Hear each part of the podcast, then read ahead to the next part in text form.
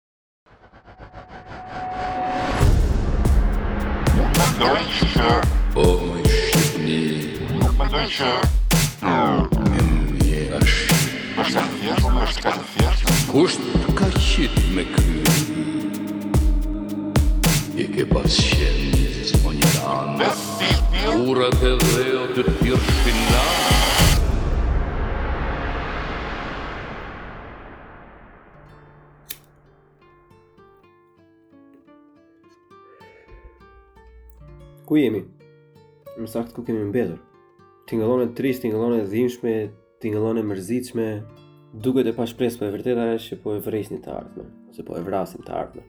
Është e vështirë për t'u pranuar, por po e vrasim të ardhmen, të gjithë bashkë. Të rinjtë tanë akoma vazhdojnë të largohen nga vendi njësoj si largoheshim përpara.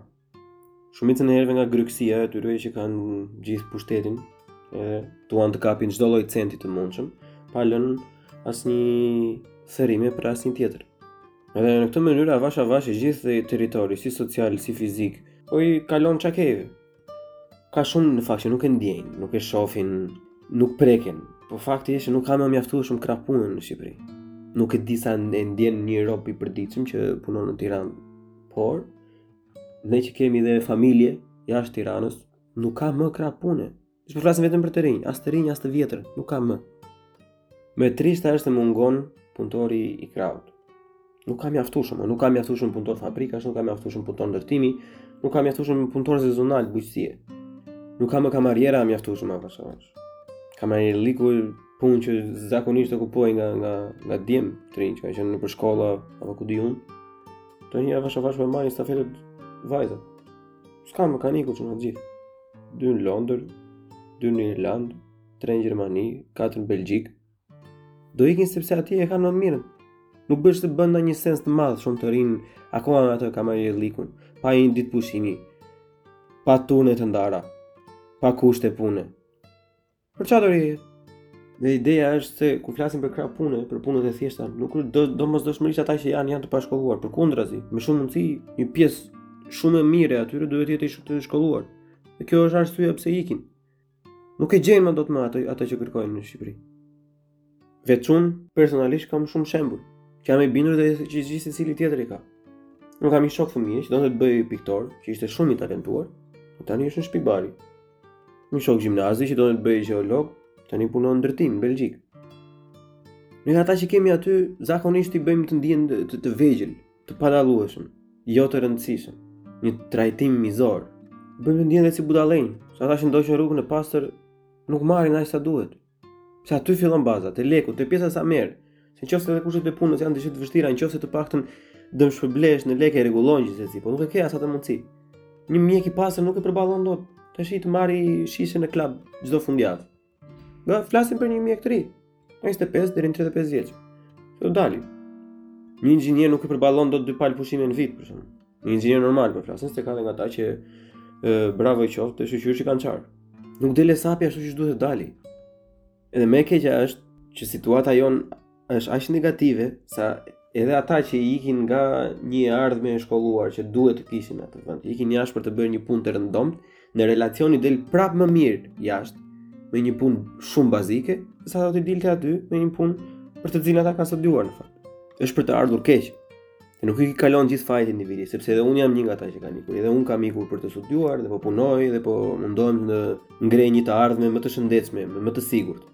Edhe kjo këtu nuk është për të dhënë mend. Është për të ngritur diskutim, për të ngritur debat. Është problem jashtëzakonisht madhësor për të ardhmen e shtetit, të kulturës, të kombit, të traditës. Vërja emrin çfarë duash. Po mbesim në bërthamë.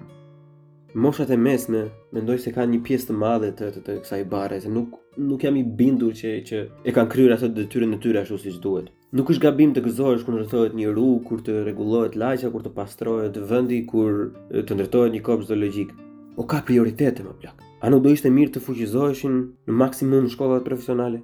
Që një staf i kualifikuar të ngrije aty, dhe jo duke vajtur nga mbrapa, duke punuar si hamall për një kohë të gjatë derisa ta mësojë, por të marri disa dituri direkt nga shkolla, të marri diçka më shumë që do ja bëjë më të thjeshtë, do ja bëjë më të thjeshtë jetën e tyre e përditshme, do ja bëjë më të thjeshtë të negociojnë për një pagë, do t'i ngrejë vetëbesimin. Kjo është bërthamë për mirëqenien. Ku janë sindikatat? Ku janë sindikatat për mbrojtjen e, e klasës punëtore? Në qoftë se lejohet të quhet më ashtu. Ëh?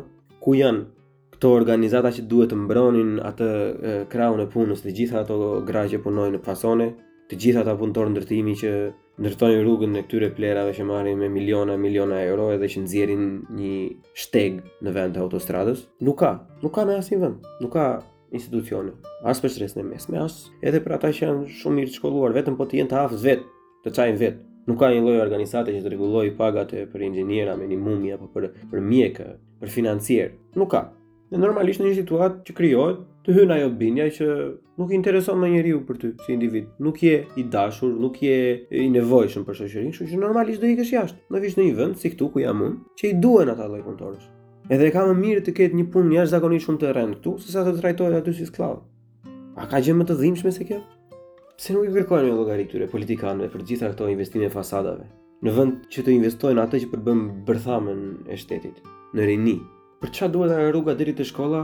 Kur ty nuk të vihet në shkollë, kur shkolla është zgjyrë, kur nuk ke një në një nivel mësimdhënie. Për çfarë duhet rruga deri tek puna? Kur ty nuk të bën të vesh në punë. Për çfarë duhen rrugët e plazhit në qoftë se ti nuk e përballon dot të shkosh në plazh mor vëlla? Pse nuk i ndihmojnë fermerët të bashkohen për produktivitet më të lartë, po i gënjejnë me subvencione me? Është thjesht, sepse kur janë të ndarë, të përçarë, është më i thjesht për t'u manipuluar individi.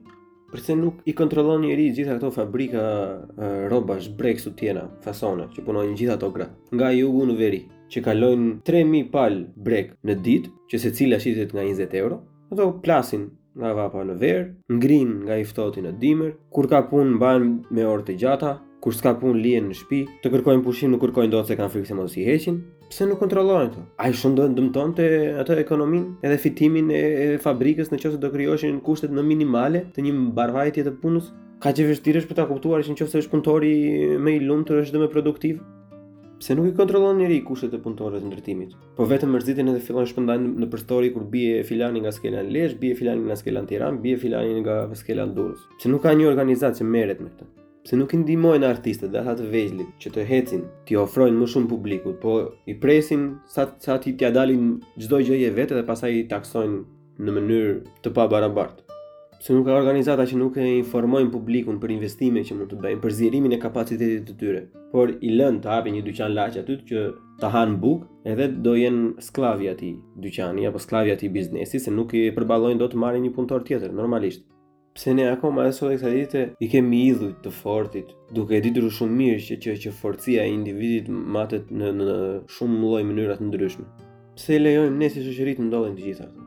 As unë nuk e di, por e sigurt është pjesa që sa më shumë të zgjasë kjo situatë, sa më shumë të mos adresohen këto probleme, aq më shumë persona do largohen, aq më pak do lindin dhe aq më shumë do vdesin.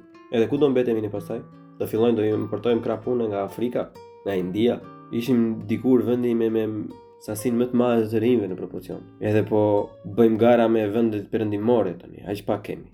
Koha e prindërve tanë ka ikur. Koha është për brezin tonë, që të bëjmë diçka më ndryshe për ata që po vijnë pas nesh. Lutja e vetme që kam është debat dhe diskutim.